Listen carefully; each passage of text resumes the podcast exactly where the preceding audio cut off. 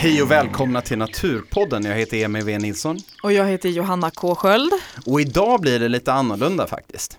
Jaha, på vilket sätt? Jo, för idag har vi liksom inte varit ute i spenaten utan jag åkt till Stockholms universitet.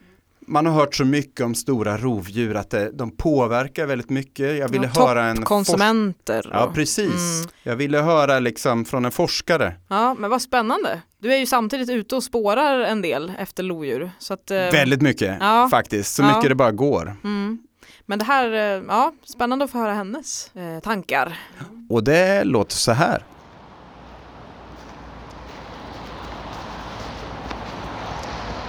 Jag är vid Stockholms universitet och ska intervjua zoologen Bodil Elmhagen. Prata lite med henne om eh, lodjurens roll i, i liksom naturen på de platser de lever. Vad, vad kan forskningen säga? Spelar det någon roll om det finns lodjur eller inte? Det blir, Det det blir- hörs. Det hörs och eh, det blir jättebra. Det var ett tag sedan man fick höra någonting om djuren. Ja, Och lodjuret har alltid varit lite i skuggan. ja, det är ju det som i och med att den är ensamlevande om man inte har en hona med ungar och i och med att den är väldigt skygg så att säga. Men lodjuret är väl lite den här gåtfulla som eh, jag tror väldigt många skulle vilja se men, men just Ja, jag vill se det. ja, Igen, Ja. jag ska lägga till. ja, jag har bara sett spår i det vilda så att det, jag jobbar ju framförallt som rävforskare så att det är där jag har kommit i kontakt med lodjuret då i och med att de kan eh, eh, ibland då riva, alltså döda rödräv. För, för även om I- lodjuret är relativt lätt, liksom, inte väger så mycket, Mm. så är det en kraftfullare kraftfullare rovdjur än räv. Ja, Det ja. kan större byten. Ja, ja, definitivt. En räv kan ju ta ett rådjurskid eller en renkalv kanske som störst, en Ja. rödräv då. Men ett lodjur tar ju vuxna rådjur och vuxna renar. Men, att, men varför, varför, ehm, varför skulle ett lodjur ta en räv? eh, man brukar säga att stora, större rådjur kan döda mindre då av egentligen två olika skäl.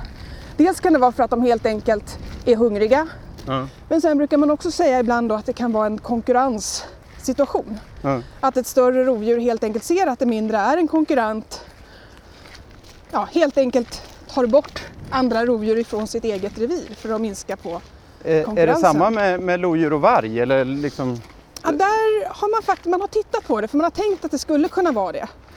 Men eh, hittills då, de undersökningar som har gjorts på Grimsö forskningsstation så har man inte sett någon egentlig effekt på lodjuret. Ja.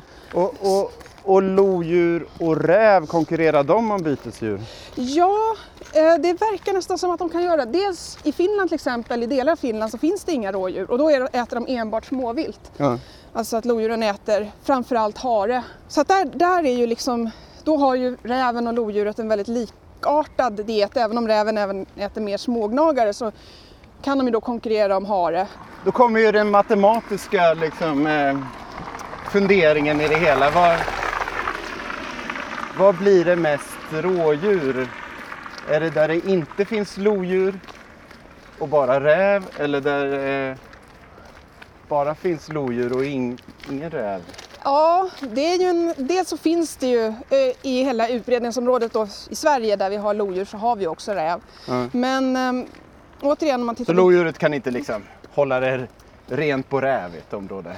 Nej, och eh, i Finland har man då ett storskaligt eh, övervakningsprogram där man varje vinter räknar spår av alla djur som går på marken, alla däggdjur. Ja, de här Precis, vilttrianglarna. vilttrianglar. Så det har jag fått vara med och analysera och det ser man väldigt tydligt då att där det kommer in och är mycket lodjur, där är det lite räv och man ser också att när lodjuren successivt ökar så minskar antalet rävar, men de finns ju kvar. Ja. Så att det är en nivåskillnad. För vilttrianglarna är, är väl som jag har förstått det väldigt bra på det sättet att de är gjorda på samma sätt Exakt. år efter år. Ja, det precis. finns väl ingen motsvarande i Sverige? Nej, nej, vi har inget motsvarande och det är ju, det är ju också de här vilttriangelsystemet och de här 900 cirka, det varierar lite från år till år beroende på vilka som kommer ut och snöförhållanden och så. Eh, men det är också ett frivilligbaserat system så att det är de eh, jägar, lokala jägarorganisationer som är intresserade av att vara med och övervaka, alltså följa upp hur mycket det finns av olika viltpopulationer. Just det här eh, ekosystemeffekter har jag har blivit lite förvånad över en del uttalanden om att stora rovdjur inte har någon effekt alls. Och då, då kanske man menar så här stora effekter, att en skog går från att vara bark Ja. till löv eller någonting. Jo men det är Och det är det. klart att det är ju det som människan styr. Ja, Men om det Precis. finns kungsörn eller järv till exempel i ett område, det kan ju påverkas av hur mycket as det finns. Ja eh, men det är ju just det där att det är lite mer fine Jag tror precis att det är lite mer fine. För det, det som har hänt i debatten är väl just att det här ganska extrema exemplen då har på något sätt fått bli bilden för vad som skulle hända överallt. Mm. Om man då går till Sverige till exempel så är det ju så att ja, vi har mer älg än i en opåverkad gammelskog. Men samtidigt så är det så att vi genom jakt har, har en begränsning av älgpopulationen på kanske halva, en tredjedel av den så att säga födobaserade bärförmågan som man säger i Mm. ekosystemet. Så att även om vi har mer älg än i ett gammalt skogssystem så har vi inte kanske just det där abnorma överbetet som man kanske hade i vissa nord- nordamerikanska nationalparker. Och då blir ju skillnaden förstås mindre. Så Som att jag, vanligt, det är mycket lättare att Precis. kommunicera en enkel berättelse. exakt, och just den här berättelsen om Yellowstone har ju blivit lite som en ikon då som sprids. Liksom. Och det, är ju, Mm. det är ju häftigt det som man ser där kanske men, men samtidigt så har det förenklats väldigt mycket. Och sen överförs den här förenklade bilden till att det är så det borde vara i Sverige. Mm. Och Men, men det är väldigt eh, hårt att säga att de inte skulle ha någon påverkan. Det är ett väldigt Ja. starkt uttalande. Ja, nej men jag tror att det, det, som, det, det har väl varit just att det blir så att säga lite den här enkla debatten då, att man liksom, Ja. det, har, det har en viss eller det har ingen... Och sen är det väl just, så att, precis, så att det är väl just det här att de effekter som vi ser i Sverige är svagare. Hur pass viktigt är det i förhållande till all den här andra enorma effekterna som människan har på ekosystemet genom skogsbruk, jordbruk och så vidare. Så att det är väl mer där att Så man kan, kanske kan sammanfatta det så här att, att de stora rovdjurens återkomst kommer rent ekologiskt verkar varken leda till eh, katastrof eller till eh, någon slags frälsning. Eh, Ja, precis. Men det blir lite annorlunda och Det det, och det är ju annorlunda. samtidigt spännande Mm. att se vad, vad, vad är det som blir. Och det finns effekter men, och de är spännande men sen så måste man liksom också sätta det i perspektiv till allting annat som händer. ja. En sak som pratats om i, i Uppland specifikt vet jag, vet jag att man har eh, låtit bli att jaga lodjur i ett naturreservat Mm. där det funnits eh, kungsörn. Mm. Tror du det skulle kunna finnas någon sån effekt? Att Jo, det, det har man ju och, och det har man framförallt tittat på, på varg då i Sverige. ja, Just det här hur mindre djur, rovfåglar, de som är egentligen kadaverätare då, hur Ja. de eh, påverkas. Och eh, det man ser är ju framförallt då att det är många andra arter som använder de här resterna som bytesdjuren, som de stora rovdjuren lämnar efter sig då av sina bytesdjur. Ja.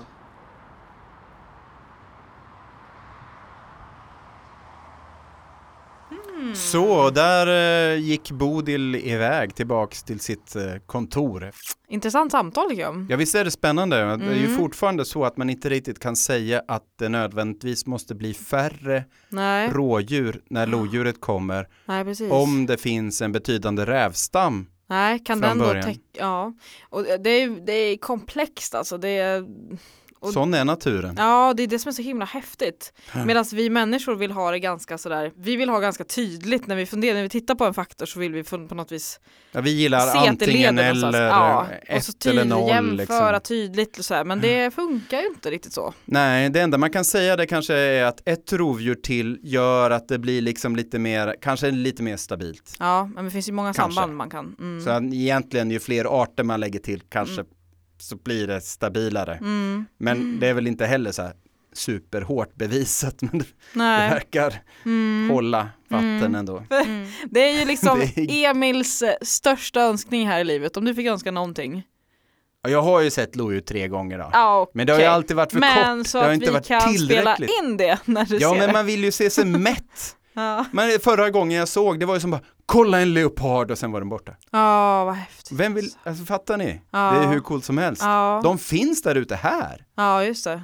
De är på riktigt. Ja. De är inga Jag vill enhörningar. också se lodjur. Ja men det, Så är det. vi hoppas på ett program senare i vår då. Ja, det kommer bli, jag lovar. Om Ja. det så bara blir en liten skymt, men det ska bli med. Mm. Ehm, Nu har i- du sagt det i radio Ja, också. precis. I nästa avsnitt av Naturpodden, eh, då kommer vi få höra någonting som var blev lite annorlunda. Vi tänkte att vi skulle ut och eh, titta på örnar i ett örngömsle. Ja, men det ni såg, det var du, eller du var där ensam? Jag och en kompis. Det var du och en kompis, just det. För jag och Danny, vi höll oss inne vid det tillfället. Ja. Men ni kröp ut någonstans tidigt, tidigt. Ja, det- vi gick ut på kvällen och sov över natt i Ni ett sov gömsle. över till och med. Mm. Mm. Och vi fick se örn, men eh, det blev inte riktigt som vi hade tänkt oss.